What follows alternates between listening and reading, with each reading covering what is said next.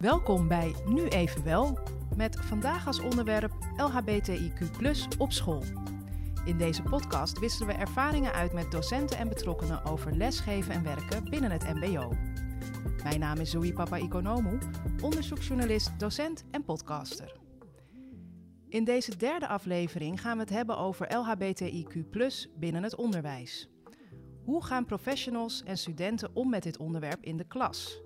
Zijn onze scholen een veilige ruimte voor LHBTIQ personeel en studenten?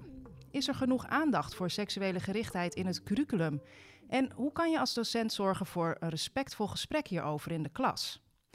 We gaan hierover praten met Laura Polder, eh, oud-docent beroepsonderwijs, nu hogeschooldocent, sociaal ondernemer en docent van het jaar in 2016.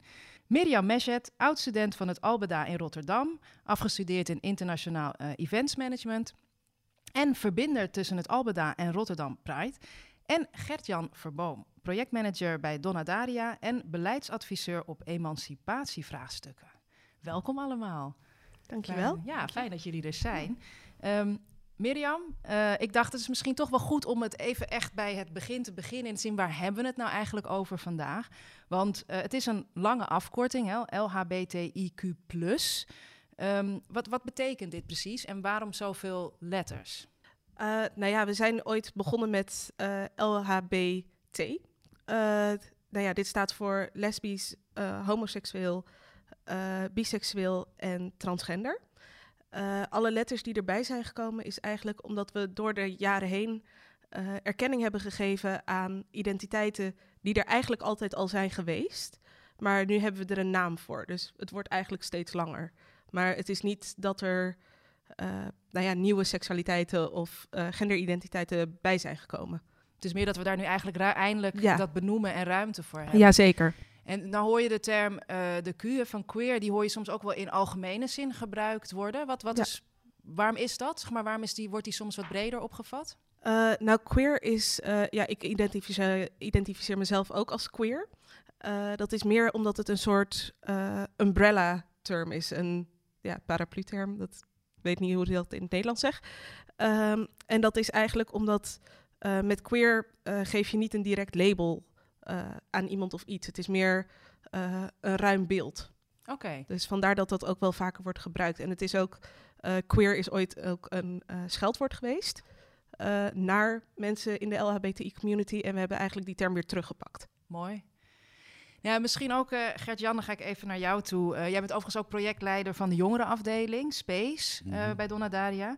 Um, ja, kijk, als we al kijken, hè, bijvoorbeeld naar uh, de L van lesbisch en bijvoorbeeld de, de, de, tran, hè, de T van trans, dat, dat gaat eigenlijk misschien wel over verschillende dingen. Want er is, denk ik, wat soms wel eens misschien verwarring bij mensen brengt, is waar hebben we het nu precies over? Gaat het over gender of gaat het over op, op wie je valt eigenlijk? Op wie je ja. je aangetrokken voelt? Kan jij daar misschien iets meer over vertellen? Uh, ja, we hebben het zeg maar over seksuele en genderdiversiteit. Um, en je hebt het dus inderdaad van in welk lichaam word je geboren, in welk lichaam voel jij je thuis, um, op wie word je verliefd inderdaad. Um, dus het zijn veel verschillende dingen door elkaar. Um, en eigenlijk zijn alle letters toen bij elkaar gevoegd uit een soort van solidariteit met elkaar. maar heel veel uh, jongeren hebben bijvoorbeeld ook zoiets van, hè, ben jij transgender en hetero? Dus het gaat zeg maar inderdaad om uh, aan de ene kant zeg maar uh, genderidentiteit en aan de andere kant seksuele gerichtheid. Dus inderdaad op wie je verliefd wordt. Um, en dat kan al, je kunt het allebei hebben. Je kunt inderdaad transgender zijn en lesbisch of intersex en hetero. Of ja, het kan allemaal die combinaties. Ja, ja. En, en, en waarom vind jij dat het belangrijk is dat, dat, uh, dat mensen op scholen dit weten of dat het hier dat dat aan de orde komt op scholen? Waarom is dat zo belangrijk? Um, ja, zo op het MBO eigenlijk tweeledig. Aan de ene kant omdat MBO'ers de professionals zijn van de toekomst en ook vaak zeg maar dit uh, in hun beroepspraktijk uh, krijgen. Uh, en dan is het niet alleen social work, maar ook HR, management of ook zeg maar economische beroepen. Overal kun je tegenkomen. Um, en aan de andere kant, omdat je wil dat studenten, um, ik, toen ik nog docent was, wilde ik dat juist dat studenten zeg maar een volop hun studiesucces kunnen benutten en zo succesvol mogelijk kunnen zijn. Uh, en ik denk dat je alleen zeg maar maximaal studiesucces kan bereiken eh, als je jezelf kan zijn en niet constant onder spanning hoeft te leven eh, in de klas. Van, oh, ik ben iemand en misschien komen ze erachter of misschien eh, wordt dat afgewezen. en dat is natuurlijk niet alleen voor LHBTI zo, maar ook voor ehm, ja, jongeren die moslim zijn of die... Ehm, kijk, dat kun je dus niet verbergen, wat soms LHBTI'ers nog wel kunnen. Ehm, maar een houding van andere studenten of docenten naar jou toe... wat spanning oplevert, kun, kan dus je studiesucces beïnvloeden. Ja, mooi. Want ik, ik, eh, Laura, voordat we de klas induiken meer, ik ben nog wel benieuwd. Want het is wel iets wat je soms hoort, specifiek als het gaat over tot wie je je aangetrokken voelt. Nou, dat is toch een privézaak? Waarom zou je dat nou moeten delen met elkaar? Uh, nou ja, ik denk dat uh, mensen die bij de LHBTI-community horen, uh, ook gewoon het recht hebben om ook te kunnen praten over hun so sociale leven op school. Hoe vaak heb je het wel niet dat je klasgenootje vertelt dat ze een nieuw vriendje heeft en oh wat leuk. Maar ik moet ook kunnen vertellen dat ik een nieuwe vriendin heb en zonder dat dat stress of spanning oplevert. En of dat ik de vraag krijg van jij bent een Marokkaan, dus jij kan niet lesbisch zijn. Dus ja, daar moet je wel de ruimte voor hebben ook op school. Ik denk dat dat voor iedereen gewoon iets is, nou ja, wat je elkaar moet gunnen. Ja, ik, heb, ik moet zeggen, ik, also, ik ben hetero en ik ben daardoor ook alweer eens een keer extra aan het denken gezet door Jan Janneke van der Toorn. Zij is hoogleraar met de leerstoel LHBTI op de werkvloer. En ze zei ook, denk maar eens na zelf, hè, als je met collega's omgaat, hoe vaak je eigenlijk iets over je privéleven vertelt. En in mijn geval, ja, ik, ik heb een man en ik heb twee kinderen en dat noem je dan gewoon. En je staat er eh, dan, ik hoef daar helemaal niet bij stil te staan als ik het daarover heb, want dat, dat is de norm. Of wat, eh, en, en, eh, of wat we zien als norm op dit moment nog. Dus ik vond dat, het kan in, dat, dat was voor mij wel echt ook, ik dacht, ja, zo vaak heb je het er dus over. Dus dat, het, hele privé, ja, je hebt de, het is best wel heftig als je ziet hoe vaak je privé-aangelegenheden eigenlijk uh, gewoon meeneemt naar overal waar je bent en waar je het over hebt. Oké, we gaan de klas in. Uh, Laura, je bent nu uh, hogeschooldocent, maar je bent heel lang uh, docent geweest in het MBO. Ja. En ook docent van het jaar geweest in mm -hmm. 2016. Um, ja, hoe, hoe, hoe, had jij het over um, LHBTI Q+, of, of dit onderwerp. En hoe pakte je dat dan aan? Hoe werd erop gereageerd? Uh, ja, ik had het daar zeker over. Ik gaf dus het vak burgerschap op school. Um, en uh, dit onderwerp viel dan onder het grote paraplu, of ook overkoepelende geheel liefde. En dat waren ook vaak de favoriete lessen van studenten. Überhaupt praten over liefde en leven, dat is uh, zeer inspirerend. Dat is ook heel fijn. Ja, en uh, ik vond het altijd ook zelf als docent heel inspirerend, omdat studenten heel vaak zeiden, er wordt heel weinig met ons gepraat over liefde en leven en rouw. Maar nou, nu specifiek liefde. Hè, wat is liefde? Op wie val je? Wat is verliefd zijn? Wat is het verschil tussen bepaalde vormen van seks? Nou, dan was ook, had het over de queergemeenschap of de LBTQ. Uh, en uh, dat verdeelde ik een beetje per klas. Um, ik deed veel aan maatwerk, dus sowieso één les. En als er een klas is waar meer vragen naar was, uh, wat ik altijd deed aan het begin van de lesreeks over liefde, is bij de klas inventariseren. Wat willen jullie weten? En waar moet het over hebben? Of waar heb je al op de middelbare school heel veel over gehad? Uh, en dat was per klas een beetje verschillend. Ik had wel een paar dingen die ik altijd wilde behandelen. En in Amsterdam werkte we veel samen met het COC, die naar de school kwam om eventueel voorlichting te geven. Uh, of we hadden het er zelf over in de klas, naar aanleiding van wat lesprogramma's die online zijn. Uh, dus dat was heel divers eigenlijk, hoe ik dat uh, steeds heb gedaan. En, en wat voor gevoeligheden merkte jij? Of waren er eigenlijk helemaal geen gevoeligheden? Um, nou ja, elke klas heeft wel... Kijk, het zijn ook het zijn zeker gevoeligheden, maar het zijn ook pubers van 16. Dus soms moet je bepaalde dingen onderscheiden. Dus er zijn jongeren die zeggen, ja, ik vind het allemaal een beetje raar. En ik ken geen... Uh, uh, ik ken niemand uit de queer gemeenschap, dus uh, of het mag niet van mijn geloof, of uh, ja, bij mij thuis kan ik het niet zeggen. Maar ook voornamelijk heel veel studenten die zeiden: Ik weet er eigenlijk helemaal niets van en ik ken ze niet. En uh, vaak dacht ik: Ja, je kent ze heus wel, alleen niet iedereen wil erover vertellen. Uh, maar wat mij voornamelijk opviel bij studenten is dat, nogmaals, als je gewoon met mensen in gesprek gaat op een respectvolle manier, dat er echt heel veel ruimte is voor meningen delen, ervaren. En uh, bijna altijd gewoon oké ging en mensen meningen mogen hebben. Maar goed, uh, liefde mag er ook, moet er ook zijn. Je moet kunnen zijn wie je wil zijn. Ja, Ja, nee, ik heb zelf ook eh, ja, uh, studenten geworven voor de Rotterdam Pride Walk. En nou ja, ik heb toen ja, met een, een groep, nou ja, een groep moest ik inwerven. En docenten hadden al tegen mij gezegd van tevoren, dat gaat je niet lukken. Want moeilijk, druk, moeilijkste klas. Gaat hem echt niet worden. En ik kwam in die klas en natuurlijk was het dat die hele klas uh, eigenlijk bestond uit jongeren met een migratieachtergrond. En toen klikte het voor mij wel van, oh, je durft het gesprek nog niet met ze aan te gaan, want je weet niet wat eruit komt. En ik ben toen ook met de jongeren het gesprek aangegaan met gewoon respect en rust. En ja, de jongeren zeiden dingen niet zo superhandig altijd. Uh, maar als je ze erop corrigeert op een respectvolle manier en uh, gewoon het gesprek met ze aangaat, en, dan kan je echt heel ver komen. Want eigenlijk weten ze het niet en dat herken ik echt wel heel erg in jouw verhaal ook. Uh. Het klinkt bijna wel heel simpel. Dat hoor ik van collega's terug van ja, zo makkelijk is het echt niet. Maar wat ik me echt opvalt als docent is als je gewoon een oprecht gesprek gaat waar iedereen in respect wordt behandeld. En dat er wel dat je als docent een duidelijke lijn hebt van dit is respect en dit kan wel en dit kan niet. Maar dat er dus gesproken mag worden. Uh, dan kom je dus echt heel ver. In plaats van als je als docent al met een oordeel voor de klas gaat nou ja, staan. Dat hoor ik inderdaad wel erg. Uh, Gert-Jan, ik zie ook knikken. Is, is dat ook iets wat misschien, ik hoor al jij ook vanwege, Mirjam is ook vanwege migratieachtergrond, zit dat oordeel soms in. Het is denk ik ook wel soms misschien een oordeel dat mensen dat hebben, dat, dat het om, op het mbo lastiger zou zijn, Gert-Jan? Hmm. Nou, het is ook zeg maar, als ik uh, bijvoorbeeld gesprekken heb met sommige mbo-docenten, dan zeggen ze ook van ja, maar je moet niet te veel van ze verwachten hoor, want het zijn maar mbo-studenten. Um, dus het is ook wel, zeg maar, um, ja, hoe makkelijk je erover kunt praten, uh, hangt inderdaad ook af van wie jij bent als persoon en hoe je uh, je lessen inricht en kijkt naar je leerlingen.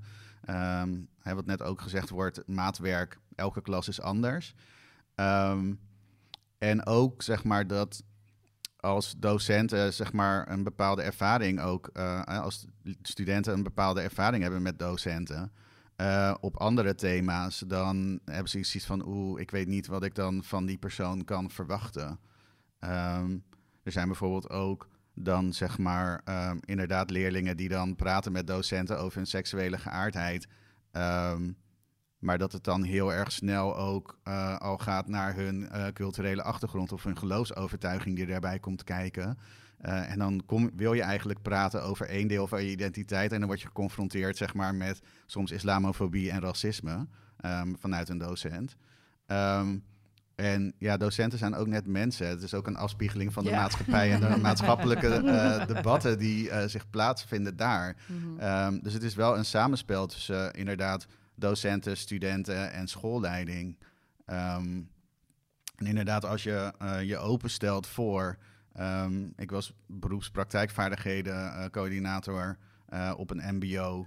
Uh, en daar hadden um, leerlingen een themaweek. En die dachten van, oh, laten we het hierover hebben. En toen vroeg ze, ja, kun jij daar dan iets over vertellen? Um, dus ja, dat moet je ook maar willen om als docent natuurlijk meteen voorop te lopen. want het gaat over jou. Ja.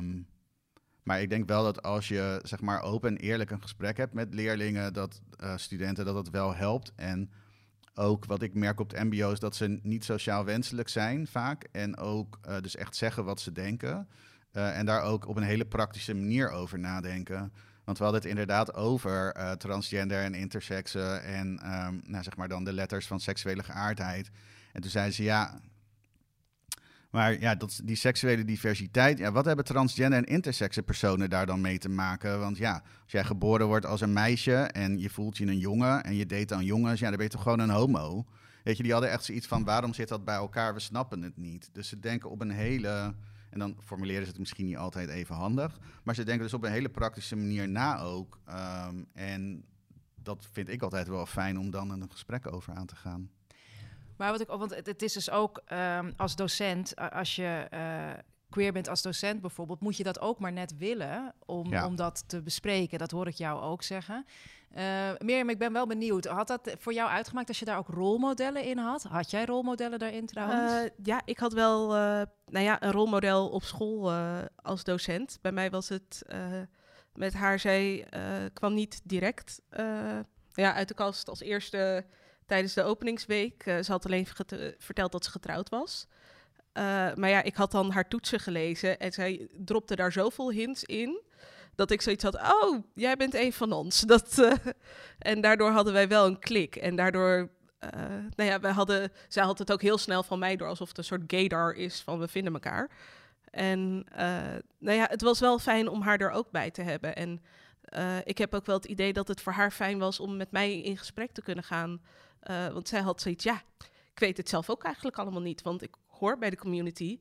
Maar ja, ik ben niet echt in contact met de community van wat gebeurt er nou. Dus ik kijk RuPaul's Drag Race, maar veel verder dan dat komt het ook eigenlijk niet. En uh, voor haar was het dus ook wel fijn om ja, met mij daarover in gesprek te gaan. En uh, nou ja, toen ze naderhand wel merkte dat ja, onze klas gewoon heel relaxed was en niemand het eigenlijk wat boeit wat jij doet met je leven, maakte het wel dat ze er ook opener over was. En ook nou ja, tijdens de uh, de Zoom-lessen die we hadden tijdens de corona.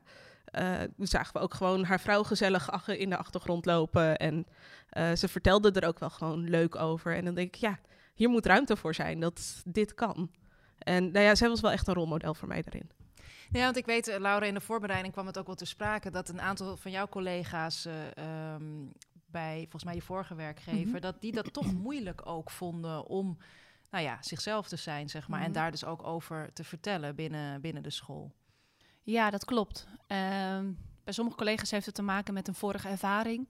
Dus ik gaf les op een school eh, waar 90% een migratieachtergrond heeft, voornamelijk islamitische migra- eh, achtergrond.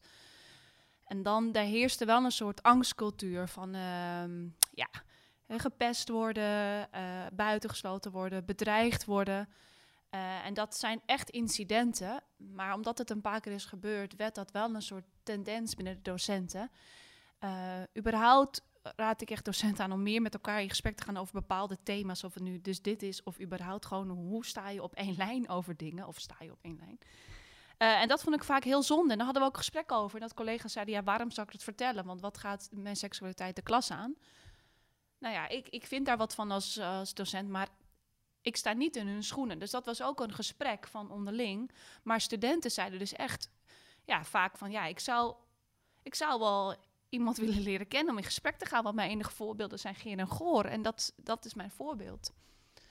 Uh, en dat vond ik vaak een gemis voor heel veel studenten. Dat ik dacht, ja, er is heel veel diversiteit in deze school. Veel breder dan een religieuze achtergrond. Laten we daar juist uh, een platform voor geven of aandacht. Zou het ook kunnen helpen als, als ook de, bijvoorbeeld de, de, de schoolleiding hier hele duidelijke normen instelt? Ook uh, dus richting studenten, maar ook richting hun personeel. Ik zie heel veel mensen knikken nu.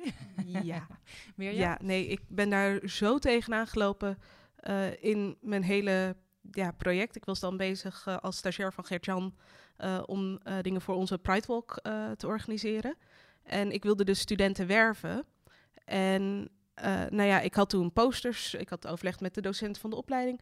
Vond het hartstikke leuk. Ik had posters opgehangen. En de posters waren weggehaald. Niet door leerlingen, maar door een docent.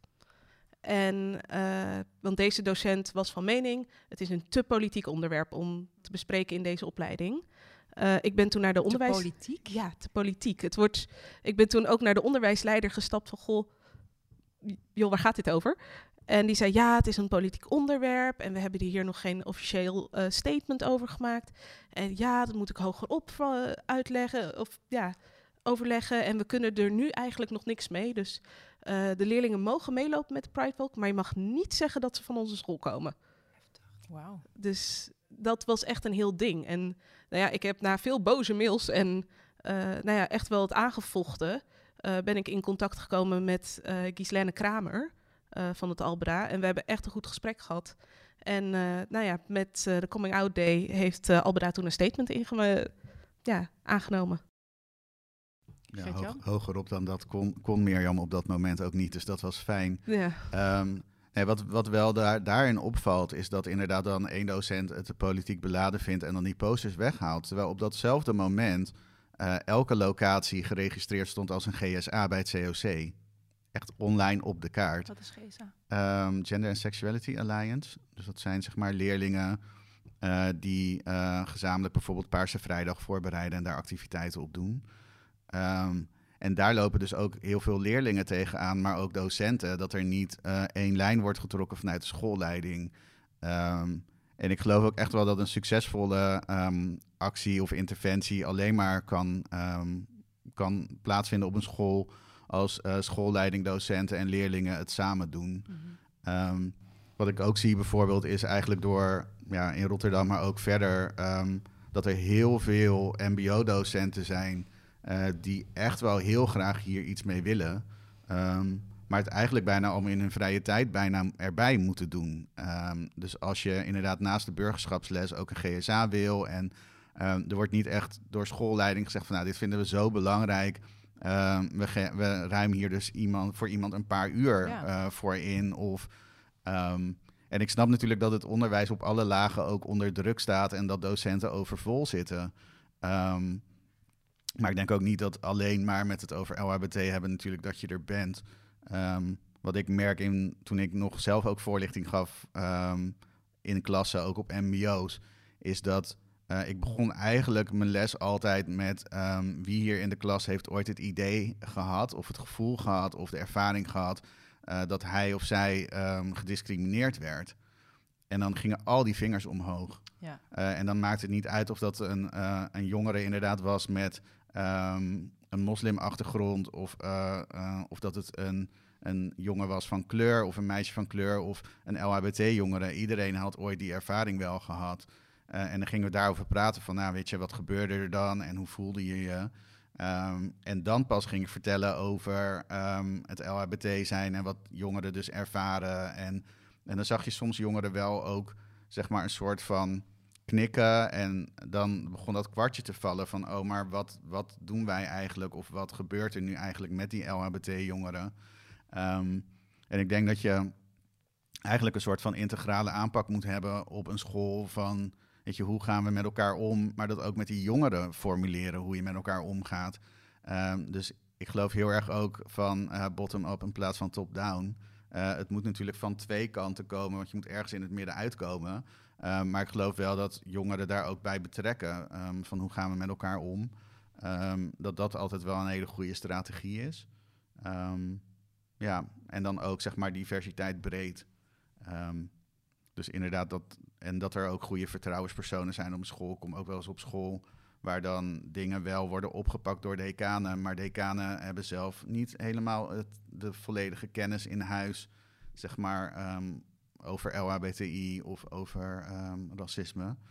Uh, en ik merk ook dat, dat um, leerlingen ook het moeilijk vinden of, het, of niet zo goed weten dat als iets tegen ze gezegd wordt in de klas door een docent of door een uh, medeleerling van oké, maar waar ga ik dat dan melden en wat gebeurt daar dan mee? En dus het is soms heel onduidelijk op scholen ook van hoe je voor jezelf op kunt komen en waar je dus dingen kan melden om uh, tot een oplossing te komen. Ja, terwijl het ook een, het is natuurlijk ook een, een, een instituut waar, waar, uh, waar studenten zijn op zulke bepalende momenten nog in, mm -hmm. in hun leven. Weet je, ze zijn natuurlijk nog zo ook aan het volwassen worden. Dan heb je juist natuurlijk zo'n infrastructuur nodig. Ja. En ja, om dat toch maar de actualiteit ook een beetje bij te halen. Als we, het, hè, we, we, we zitten nu, terwijl we de podcast opnemen, is er natuurlijk, uh, heeft onze onderwijsminister Arie Slop nogal uitspraken gedaan. Mm. Ik ga dat even voorlezen dat ik het juist eh, zeg. Dit was uh, zo opgetekend in het AD. Um, ehm, uh, nou, dat werd dan op de uh, vrijheid van godsdienst ook. Um, en dan ging het vooral om christelijke scholen in dit geval. Um, nou, dat in zijn ogen mogen ouders uh, ermee blijven doorgaan, want dit was gebeurd. Uh, mogen scholen dus ouders blijven vragen een verklaring te ondertekenen waarin ze een homoseksuele levenswijze afkeuren. Maar hè, scholen moeten zich dan wel inspannen om voor alle leerlingen een veilig schoolklimaat te creëren. Hm. Dus hij geeft een soort suggestie uh, dat het een het ander niet uitsluit. Daar moet ik wel bij zeggen, hij is er natuurlijk nu al aan op het terugkomen, omdat hij natuurlijk. Uh, uh, terecht een hele grote bak uh, kritiek over zich heen krijgt. Um, ja, hoe volgen jullie dan als dit zo in het nieuws komt? Want het raakt natuurlijk precies aan wat we net bespreken over hoe zorg je voor een veilig nou. klimaat op school. Ja, ik vind er zeg maar als professional wat van en als privépersoon. Uh, als privépersoon ben ik er wel een beetje klaar mee dat mijn seksuele geaardheid gebruikt wordt als politieke stok om moslims mee te slaan. Um, en dat zie je zeg maar bij verschillende politieke partijen. Daar is deze uh, minister niet uniek in of zo. Um, want in september um, zei hij nog dat er dus um, extra uh, hard geïnspecteerd moest worden op islamitische scholen, of scholen met een islamitische grondslag. die dus homoseksualiteit zouden afkeuren. Dus wat, wat ik dan zeg maar weer voel van oké, we gaan weer even moslims bashen. Ehm, en dat jij iedere keer, zeg maar, jouw identiteit iedere keer gebruikt wordt als de stok om dan mee te slaan. Ja, dat, dat, daar ben ik wel een soort van klaar mee. Ehm, en het geeft ook aan, zeg maar, dat je kunt geen veilig schoolklimaat creëren als je ehm, eh, leerlingen op basis van hun identiteit uitsluit. Ehm, en ik had, zag een mooie column ook online van een student van in Holland die daar diversiteitsambassadeur is, uh, christelijk is opgevoed en homoseksueel is en ook op zo'n school heeft gezeten. En dat hij zei van ja, mijn ouders waren sterk genoeg om daartegen, daarin tegen in te gaan. Ehm, maar er zijn natuurlijk heel veel ouders die uh, ook onder druk van, ehm, van de kerk of het geloof of de schoolleiding dan toch.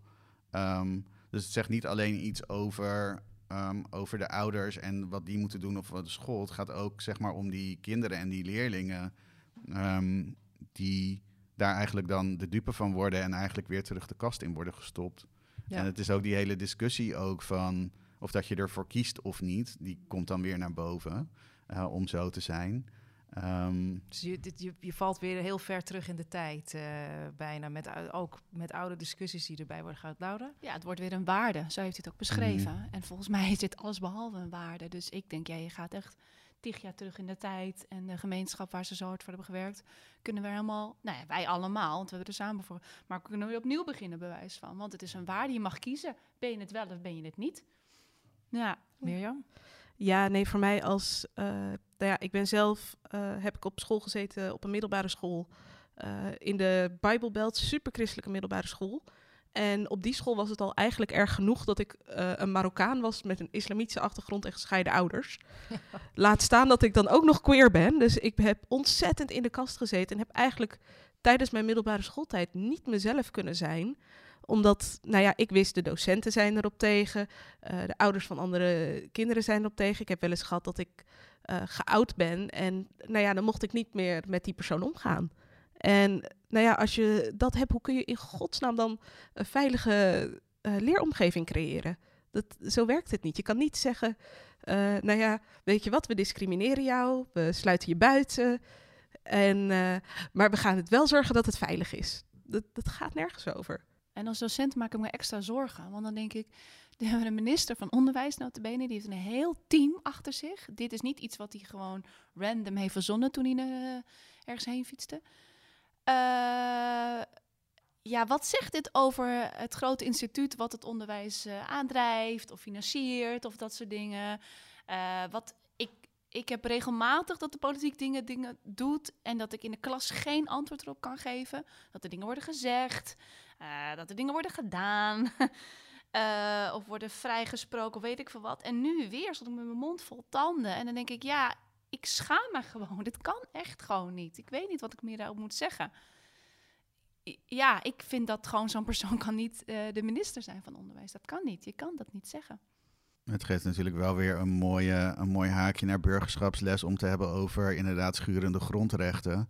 Um, want dat is waar het iedere keer nu om gaat. Zeg maar de vrijheid um, van uh, inderdaad van um, onderwijs en geloofsovertuiging. in dit deze vorm van bijzonder onderwijs. Um, maar ook het recht om niet gediscrimineerd te worden. Ja. Um, en wat, welk, welk van die twee um, gaat dan boven de ander? En, en kan dat wel, zeg maar, als het gaat om hè, uh, het beleid wat gemaakt wordt en uh, de grondwet, kan de een wel boven de ander gaan en hoe dan? Dus dat zijn hele lastige politieke discussies. waar ik wel blij mee ben, is dat er zoveel politieke partijen dan stelling nemen. Um, maar ook politieke partijen waar een soort van basishouding uh, tegen is van uh, ja, die zullen wel dat niet doen. Zoals bijvoorbeeld uh, Denk. Um, en in Rotterdam merken we dat ook altijd bij NIDA, zeg maar de op islam geïnspireerde partijen. Um, waarbij eigenlijk dan weer zeg maar de PVV en Forum voor Democratie altijd tegen dit soort dingen stemmen. Hè, dus altijd zeg maar dan die kant ondersteunen die die zulke dingen zegt. Terwijl die dan weer zeggen van ja, maar hè, um, moslims zijn het probleem, want die vallen jullie lastig op straat en die doen dit en dat. Weet je, dus het is ook als het gaat bijvoorbeeld om uh, mediawijsheid en uh, dat soort dingen. Uh, hoe ontvang je nieuws? Hoe interpreteer je nieuws als jongere? Um, ja, daar kun je best wel interessante lessen over ja, bedenken. Ja, ja. ja. ja dat is wat buiten kijf. Maar je zou natuurlijk eigenlijk willen dat, dat dit soort voorbeelden... dat het niet meer nodig zou zijn. Okay, het is tijd om echt de klas in te gaan. In de zin dat jullie... we vragen altijd onze gasten om voorbeelden mee te nemen uit de praktijk. en en um, Laura, ik wilde met jou beginnen. Mm -hmm. um, Jij wilde iets vertellen over een gastles, heb ik begrepen. Ja, oh ja dan moest ik wel, um, als je het hebt over vooroordelen van het MBO, die er genoeg zijn ten onrechte. Uh, wij kregen een uh, gastspreker vanuit het COC, hadden we iemand uh, gevraagd om te komen spreken. En dit was een, een trans. Um, en deze mevrouw was nog in haar transitie, dus je zag deels nog dat ze een man was. En, maar ze was duidelijk nou, ze, is een vrouw, punt. Uh, en zij meldde zich bij de balie. Uh, en moest naar het toilet. En wilde naar het toilet. En uh, nou ja, daar vertel ik zo over. Zij kwam in de klas. Het ging fantastisch. Goede voorlichting. studenten hadden 101 vragen. En zij was super open. Ja, echt complimenten daarvoor. Want studenten vragen je echt het hem van het lijf. Gert-Jan zegt het heel terecht. Daarom hou ik ook echt van deze doelgroep. Geen blad voor de mond. En die moeten wel om kunnen gaan. En toen zei uh, deze dame van ja, goh, ik zou willen dat jullie, jullie de, hier gaan trainen. De mensen hier op school. En toen zei de student, hoezo? Wat is er dan? Ja, ik wil dus naar het toilet. En ik ging naar het damestoilet. Maar ik werd tegengehouden door de portier. Want uh, ik ben een, ik zie eruit als een, ja, hij zegt, ja, u bent toch een man? En, en ik mocht dus niet naar het vrouwentoilet. Nou, die studenten waren helemaal verbouwereerd. En die zeiden, nou, we gaan nu naar beneden. We gaan met u mee. U gaat naar de wc waar u maar mee wil gaan. En, uh, um, en zo zie je maar ook, wat net aan tafel werd gezegd... dat ja, dit valt onder de grote paraplu van sociale veiligheid. Dat dit niet een thema is die je af en toe kan afvinken. Dat het hele school mee moet betrokken worden. Dat gewoon dat dit een iets. Ja, dit is dan een thema nu. Maar meerdere van die thema's echt gewoon geleefd moeten worden. Meerdere mensen in getraind moeten worden. En dus ook over zo'n groep mbo-studenten waar wat van wordt gedacht. Wat dus uiteindelijk heel goed ging. En de grootste jongens met de grootste bondkragen gingen naar beneden om deze dame uh, goed uh, te helpen. Ja. Mooi, dankjewel. Ja. Gert-Jan, uh, jouw voorbeeld gaat over een, een, een persoon die jij begeleidt, toch? Ja, ja, en dat uh, het, zowel op het MBO als later um, doorgestroomd naar het HBO. Uh, twee uh, eigenlijk ervaringen die wel heel erg tegenover elkaar staan. Um, waarbij het op het MBO eigenlijk heel goed ging. Um, hij wilde uit de kast komen als transgender en daar ook met docenten en schoolleiding over, over gesproken. en toen ook aan de klas verteld. Um, en toen zei de, uh, had de klas natuurlijk allemaal vragen. En uh, ja, de docent en de decaan waren er ook echt bijgebleven. En dat werd allemaal heel erg goed begeleid. En ook zeg maar een nagesprek nog. En uh, dat er vragen gesteld konden worden. Dus het was heel erg gestructureerd. En op alle gebieden was er zeg maar support. En dat ook um, ja, niet alleen de docent, maar ook de decaan laten, lieten merken van... nou, hè, we staan hier achter als school en... Um, zonder in transitie uh, te zijn gegaan, al wel al ook de schoolpas aangepast nadat hij uh, zijn nieuwe naam had gekozen. Uh, terwijl daar nog helemaal geen wettelijke basis voor was. Um, en dus ook met de klas van, ja, welke naam vinden, jij nu bij, vinden jullie nu bij hem passen? En dan hadden ze een shortlist gemaakt van namen, uh, waarvan de klas vond van, ja, dit, ja, dit ben echt jij. en met die, um, met die shortlist van namen is hij toen bij zijn moeder uit de kast gekomen. Van, nou mam, ik ben een transjongen en uh, we hebben het erover gehad in de klas en dit zijn de namen. Uh, dus we, wil jij me nu helpen met een nieuwe naam uitkiezen? Um, en hij, is, uh, heeft, hij heeft een uh, Pakistaanse achtergrond, moslim gezin. Zijn moeder is ook moslima. Um, heeft drie maanden nodig gehad om te accepteren. Um, wat ze zelf als moeder heel lang vond, maar dat is het natuurlijk helemaal niet. en hij is homoseksueel. Um, en hij ging toen verder studeren op, uh, op social work, op het HBO. Um, en daar ging het dus heel anders, de coming out naar de klas toe. Uh, want je ziet het aan hem ook niet, maar had zoiets van, ja, moet misschien toch maar wel vertellen. Um, en het was ingepland in een les en de docent zei van, nou, hè, zijn SOB-coach zou hem ook begeleiden daarin. Die SOB-coach was ineens zo van, oh ja, nou ja, ik zet jou voor de klas, ik heb ineens een andere afspraak, doe je verhaal maar. Um, die liep ook echt de klas uit, niet begeleid, geen nagesprek. Um, en sociaal wenselijk tijdens de les met de docent. Alleen daarna begon het dus, zeg maar. Dus echt pesten, ehm, uitschelden ehm, vanuit de klas. Ehm, en toen ging hij dat aankaarten bij zijn SLB-coach en die zei van ja. Nou ja, weet je, je kunt ook gewoon positief bekijken. Want eh, ja, als je gewoon hè, nog in Pakistan had gewoond, dan was je natuurlijk al lang gestenigd. Wauw. Dus dan komt er zeg maar ehm, racisme eh, ook en, eh, en een soort van islamofobie van de docent komt dan naar boven als vergoeilijking van wat je dan meemaakt op basis van je genderidentiteit. Ehm, en ze zeiden echt hele grove dingen die ik ook niet wil herhalen in Nee. de podcast, maar eh, en dat de docent zei van ja, maar ze durven, ja, ze kunnen gewoon open met jou over seks en seksualiteit praten. Dat is toch ook wel positief. Ehm, en dan eh, ja, eigenlijk escaleren naar eh, schoolleiding, die eigenlijk dan, ehm, dan een kwetsbare jongere, eh, want alles gaat om zelfregie en de kracht bij de student. Of dat je daar dan als student ehm, mee om kan gaan of de headspace voor hebt, hè, da- daar sterk genoeg voor bent. Ja, dat, dat is dan even ondergeschikt, want we hebben een schoolfilosofie, kracht bij de student. Dus hij moest ook zijn klasgenoten aan gaan wijzen in de klas die hem hadden gepest. En dan moest hij uit gaan leggen aan die klasgenoten waarom eh, ze hem hadden gekwetst. Eh, en hij moest ook in gesprek met zijn SLB-coach. eh, want zij moest ook kunnen leren van wat ze had gedaan en had gezegd. Het is wel een heel heftig voorbeeld. Zeg. En dat is dus ook dat. dat ehm, en daar merkte je ook dat op een andere, andere lijn, zeg maar, er ook onder schoollijn, onder de docenten eigenlijk. Ehm, en studenten een onderzoek liep naar hoe ze dus diversiteit ervaren en of dat ze zichzelf konden zijn. En daarbij zeiden ook LHBT-docenten dat ze zich niet veilig genoeg voelden op de opleiding om inderdaad ehm, uit de kast te komen. En dat ze zich heel erg goed konden voorstellen eh, dat leerlingen dat dus ook niet durfden of het daar moeilijk mee hadden. Eh, en er waren docenten die de posterpresentatie gewoon van de muur afscheurden, omdat ze zo boos waren van ja, hoe durven jullie dat te zeggen? En eh het is allemaal hier geen probleem. Ehm, wat ik dus bij het voorbeeld, wat ik ook duidelijk wil maken, is dat eh, het is dus niet zeg maar die basishouding van MBO zal wel lastig zijn, HBO, eh, weldenkende mensen, dat gaat allemaal wel goed. Ehm, en ook de tegenstrijdigheid van je doet een sociale opleiding, eh, dus het zal wel geen probleem zijn. Ehm, weet je, elke klas, elke school is een afspiegeling van de maatschappij wat buiten die schoolmuren gebeurt. Ehm, en dat, dat komt ook de school in. Eh, dus je kunt wel net doen alsof het niet gebeurt, alsof, alsof je je er niet bezig mee hoeft te houden. Ehm, maar het is er. Weet je, je kunt het niet ontkennen dat het er is. Ehm, en zowel bij studenten als docenten. Ja.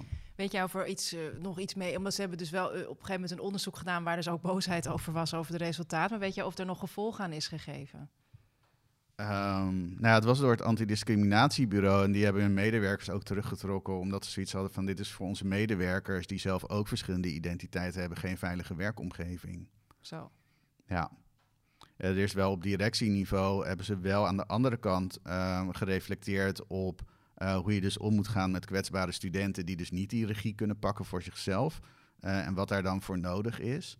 En daar heb ik ook zeg maar advies op gegeven. Ehm, maar ja, ze hebben nog wel een hele lange weg te gaan daar. Ja. Ja. dat lijkt me duidelijk. Wel ook heel mooi aan het, in ieder geval het begin van het voorbeeld dat je beschrijft... is juist hoe er op zijn eh, eerste school mee werd omgegaan. Dat, dat geeft denk Mhm. ik ook wel heel veel handvatten voor scholen... om, om hoe je dus wel eh, Ja. met een leerling kan omgaan... die in dit geval dan bijvoorbeeld in transitie gaat. Ja, en er zijn ook best wel veel resources. Bijvoorbeeld eh, Stichting School en Veiligheid, die in het opdracht van het ministerie van OCMW zeg maar allerlei training heeft ontwikkeld. En dan heeft gekeken van wat past goed zeg maar, binnen scholen. Die hebben bijvoorbeeld ook een training ehm, voor ondersteunend personeel.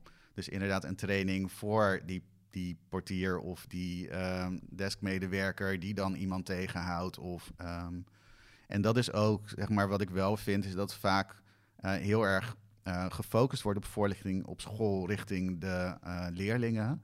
Ehm, en ik vind dat docenten wel vaak vergeten worden. Docenten worden wel vaak getraind om hoe om te gaan met die leerlingen.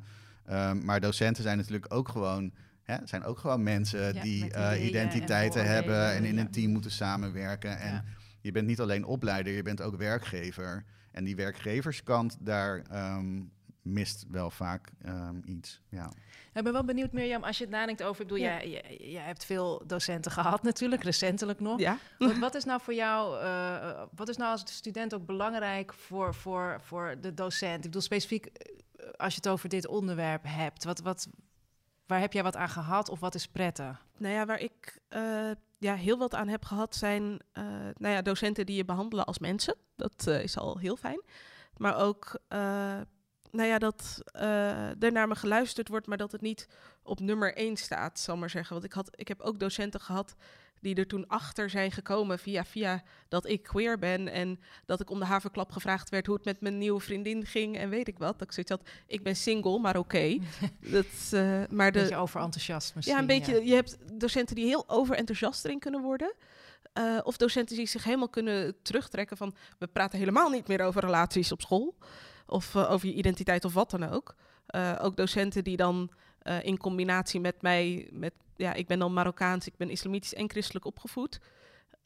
En mijn docenten die hadden daar zoveel moeite mee. Van, goh, hoe gaan wij dan met jou om? Want we kunnen jou niet in een hokje plaatsen. Het is meer ja, kijk naar de persoon, niet zozeer naar het hokje waar ze in passen.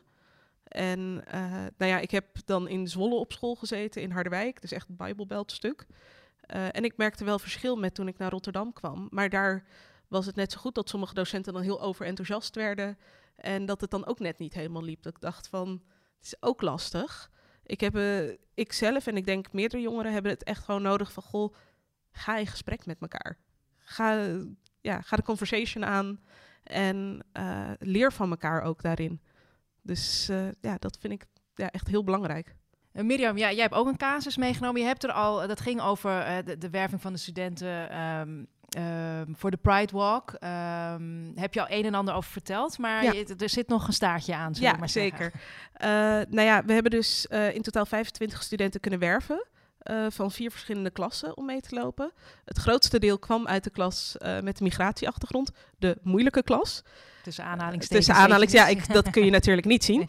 Eh, nee, maar eh, nou ja, die jongeren die stonden er zo voor open. Er waren ook wel een paar die echt met knikkende knieën daar stonden van... oh mijn god, nu denkt iedereen dat ik ook homo ben. En eh, nou ja, je zag ze wel loskomen. En je zag ook gewoon bij sommige leerlingen het klikken van... "Oh, er is een community voor mij. Ik hoor hier thuis. En die zijn ook later nog naar de andere Pride-events gegaan.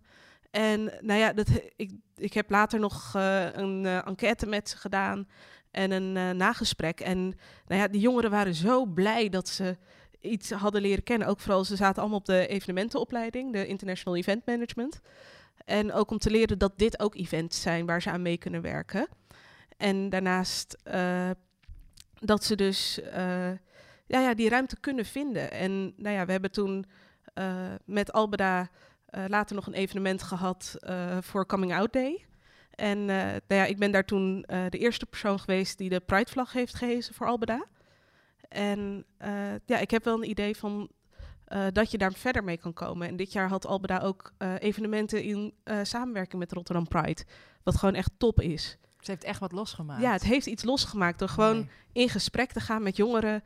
En nou ja, je komt wel verder.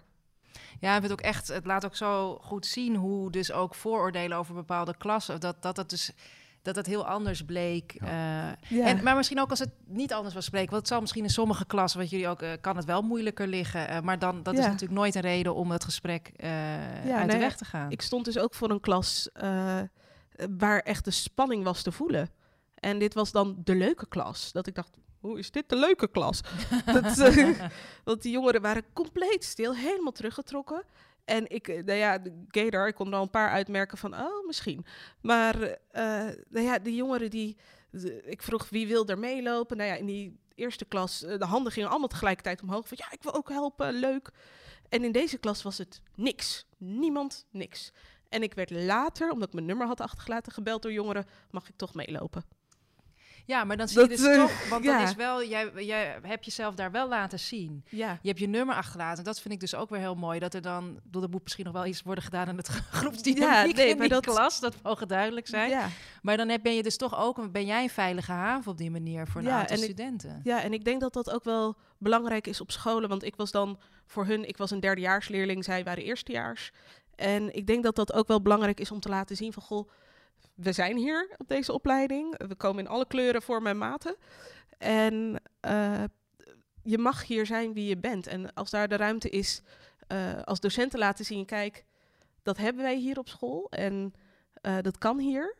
Ik denk dat dat wel ook veiligheid geeft, maar ook dat je in de klas dat gesprek al eerder aangaat. Want nou ja, met die jongeren ja, met de migratieachtergrond, daar, nou ja, die blaren alles eruit. En dat, dat ging gewoon heel fijn, vond ik zelf.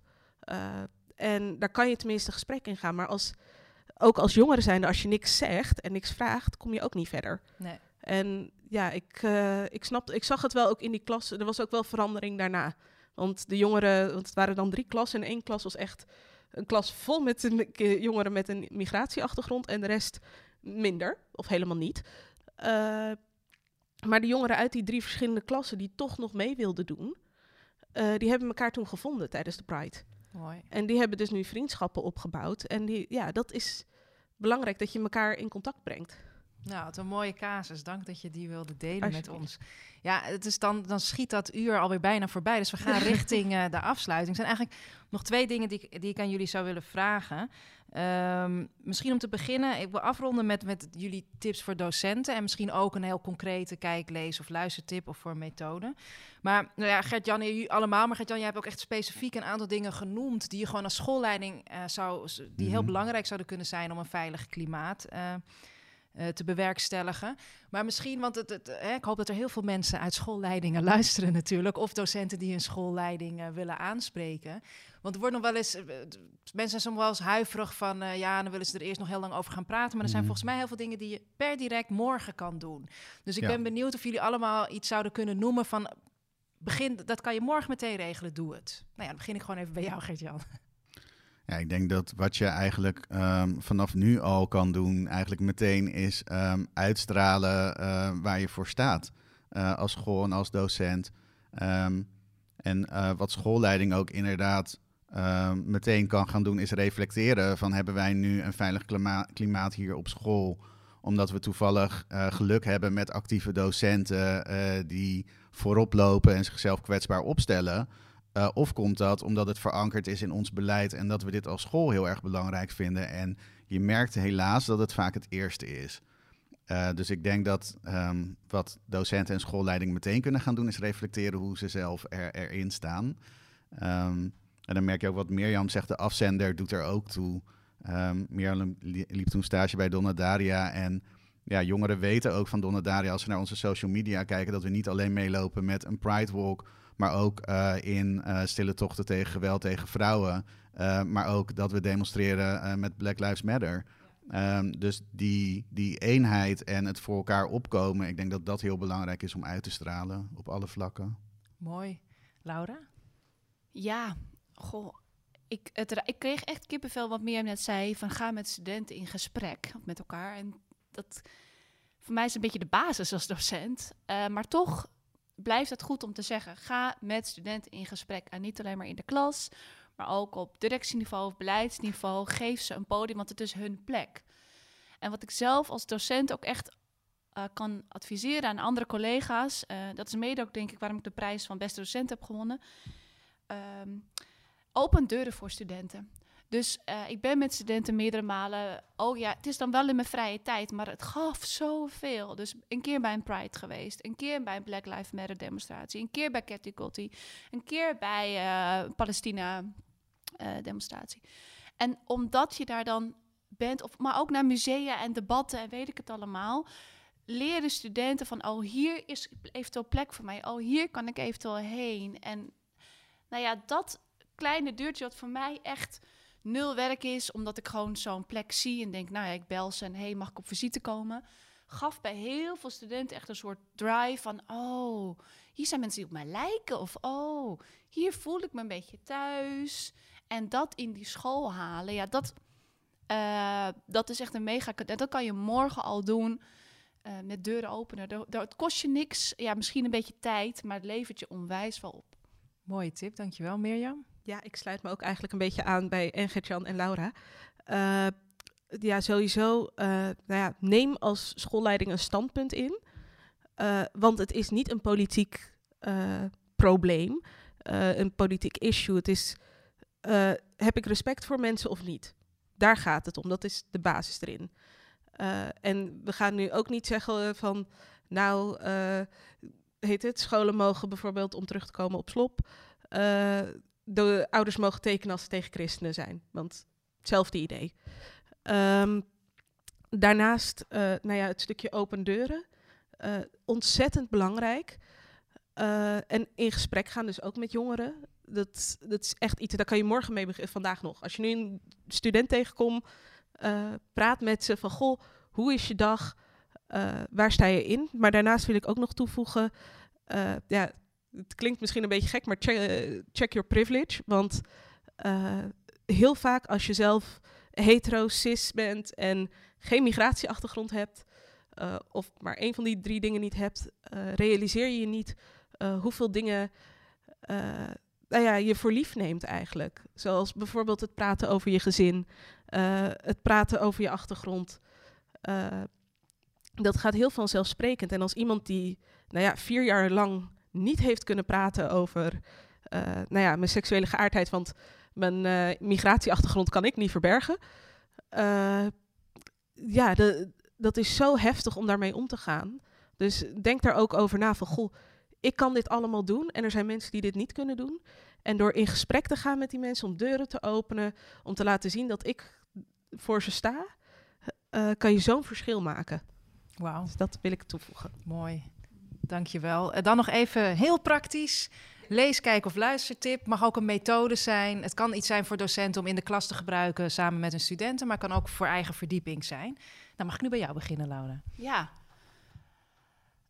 Eh, ik denk het beste wat je kan doen is kijken wat er in de buurt van de school leeft aan het thema waar je wat mee gaat doen. Zodat het super concreet en dicht bij de deur is voor studenten. Eh, dus er is voor docenten aan training over deze onderwerpen enorm veel online te vinden. Maar om voor studenten verschil te maken, kijk waar organisaties in de buurt zitten waar zij letterlijk naar binnen kunnen lopen. Ehm, en wat Mirjam zegt, eh, check je eigen privilege en denk groter dan alsjeblieft het culturele achtergrond. Omdat dit ook een klassi eh, klassisme verhaal is en eh, witte jongeren ook echt stigma's hebben en ook echt, wij kunnen niet praten over. Dus praat, praat, praat eh, en kijk in de buurt. Ja, Dank sorry. je, Mirjam. Eh, ja, ik eh, zelf heb zoiets, verdiep je in de, ja, ja, de culturen die om je heen zijn. Eh, zowel bijvoorbeeld eh, nou ja, een islamitische cultuur of een eh, Surinaamse cultuur. Verdiep je in je studenten. Eh, en verdiep je ook bijvoorbeeld in de LHBTI-community. Eh, ga naar een Pride Walk. eh, kijk eh, een documentaire. We hebben toen eh, vorig jaar ook eh, de filmclasses georganiseerd eh, voor Donna Daria en de Pride Week. Of Rotterdam Pride. En eh, er is zoveel media om van te leren. En eh, nou ja, je hebt het nu al zelfs met series zoals Pose of...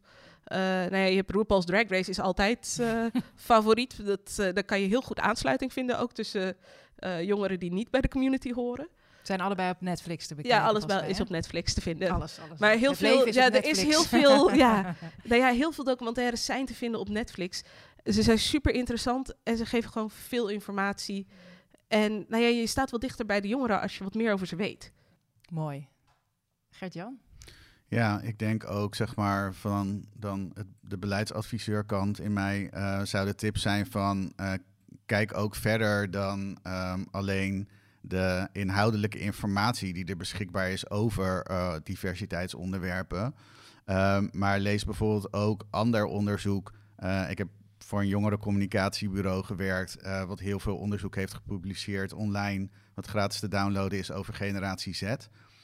Waarin staat van waar halen jongeren hun informatie vandaan en hoe denken jongeren en hoe kun je zeg maar ehm, ehm, jongeren dus eh, op een andere manier laten nadenken over hun vooroordelen zonder hun er letterlijk op aan te spreken. Want ja, dat is ook uit onderzoek van KIS gebleken, uit 100 interventiemethoden, dat dat dus niet werkt. Ehm, dus kijk niet alleen naar de inhoudelijke informatie, maar ga ook op zoek naar hoe je didactisch en gewoon in communicatie met jongeren ehm, nader tot elkaar kunnen komen. Eh, ik zeg altijd van ja, weet je, ik ben 42, zij zijn 16. Weet ik veel. Dus ja, ga gewoon een beetje op onderzoek uit ook op dat vlak. Ik Mooi. ik nog één tip Ja, ja, ja, gooi erin. Ja, ik denk wat ook een kracht gaat zijn van docenten als je bepaalde onderwerpen moeilijk vindt om te bespreken, dat je dat met je collega's bespreekt. Of als je over iets helemaal niets weet, of weinig, dat je dat deelt, samen gaat leren, maar dat het gesprek in een docentenkamer aangaat van, ja jongens, eh, nou ja, eh Paarse Vrijdag komt eraan, of straks eh, Sinterklaas komt aan. Wat gaan we? Ik weet het niet, of wat ik hiervan vind. Of moet ik nou een paars t-shirt aan? Deel je kwetsbaarheden en ga met je collega's daar de groei in maken. Ja, dit is overigens een terugkerend eh, onderwerp in elke podcastaflevering van Nu Even Wel. Is ook dat er toch misschien echt wel wat meer gedeeld kan worden tussen collega's onderling. Het is een bekend probleem, denk ik, of bekend gegeven op veel onderwijsinstellingen, dat dat veel te weinig gebeurt. Ik zou nog heel praktisch ook willen toevoegen sex education. Ook een serie van Netflix. Wat ik zelf daar heel erg mooi aan vind, is dat het is. Er is van alles, allerlei ide- identiteiten, achtergronden en noem het maar op, zonder dat ook, het laat ook moeilijkheden daarbij zien, maar het, het, is, het- is gewoon, zeg maar. Dat vond ik zelf heel mooi. En ik heb zelf in samenwerking met het Tropenmuseum de Genderful World podcast gemaakt. Daar is ook een tentoonstelling, die is nu nog in het Tropenmuseum, maar die komt bijvoorbeeld ook naar Rotterdam. Die tentoonstelling is ook, denk ik, heel interessant om te bezoeken met studenten. En ehm, vooral misschien de vierde aflevering van de podcast gaat over gender en seks. Dus dat is sowieso gewoon wel lekker. Nee. maar ook wel iets wat je misschien gewoon kan luisteren met studenten als je het gesprek wil openen. Maar dan vind ik dus ook inderdaad dat soort Netflix-series, die worden vaak toch al gekeken. Of, eh, en die, dat is een hele laagdrempelige manier. En dat sluit ook weer aan op de, wat jij zegt, Gert-Jan. Je moet soms ook op zoek, zeker als, hè, dat geldt inderdaad voor docenten gewoon vaak. De leeftijdsafstand is soms groot, de werelden kunnen groot verschillen. Verdiep je erin. Eh, en, en maak ook gebruik van de hoeveelheid dingen die er al zijn. Er zijn zoveel mooie dingen. Ja, en heel veel jongeren die ehm, halen hun, hun eh, informatie ook niet zozeer meer uit reguliere media, eh, maar inderdaad uit podcasts of... ehm, ehm, ik kom heel veel jongeren tegen die dan iets hebben gelezen, bijvoorbeeld op Lilith Magazine of One World, of die luisteren naar Dipsaus. Weet je, dat zijn allemaal dingen, maar ik kan me ook voorstellen dat als jij zeg maar een, eh, een witte mbo-docent bent eh, ergens eh, buiten de grote stad, dat je dan ook niet altijd die resources weet te vinden. Maar ja, probeer gewoon eens leuk te googlen en zo, dan kom je ook al een heel eind. precies. Ja. Dank jullie wel, Mirjam, Laura en Gert-Jan. Heel fijn dat jullie er waren en dat jullie je ervaringen en expertise wilden delen. Dit was de vierde aflevering van Nu Even Wel, LHBTIQ op school. Veel dank voor het luisteren. Nu Even Wel is een podcastreeks over diversiteit in het MBO. Luister ook onze afleveringen over de superdiverse realiteit in de klas, omgaan met het koloniale verleden en depolarisatie in de klas via burgerschapmbo.nl/slash podcast, via je favoriete podcast-app en vergeet natuurlijk niet je collega's te tippen. Tot de volgende keer.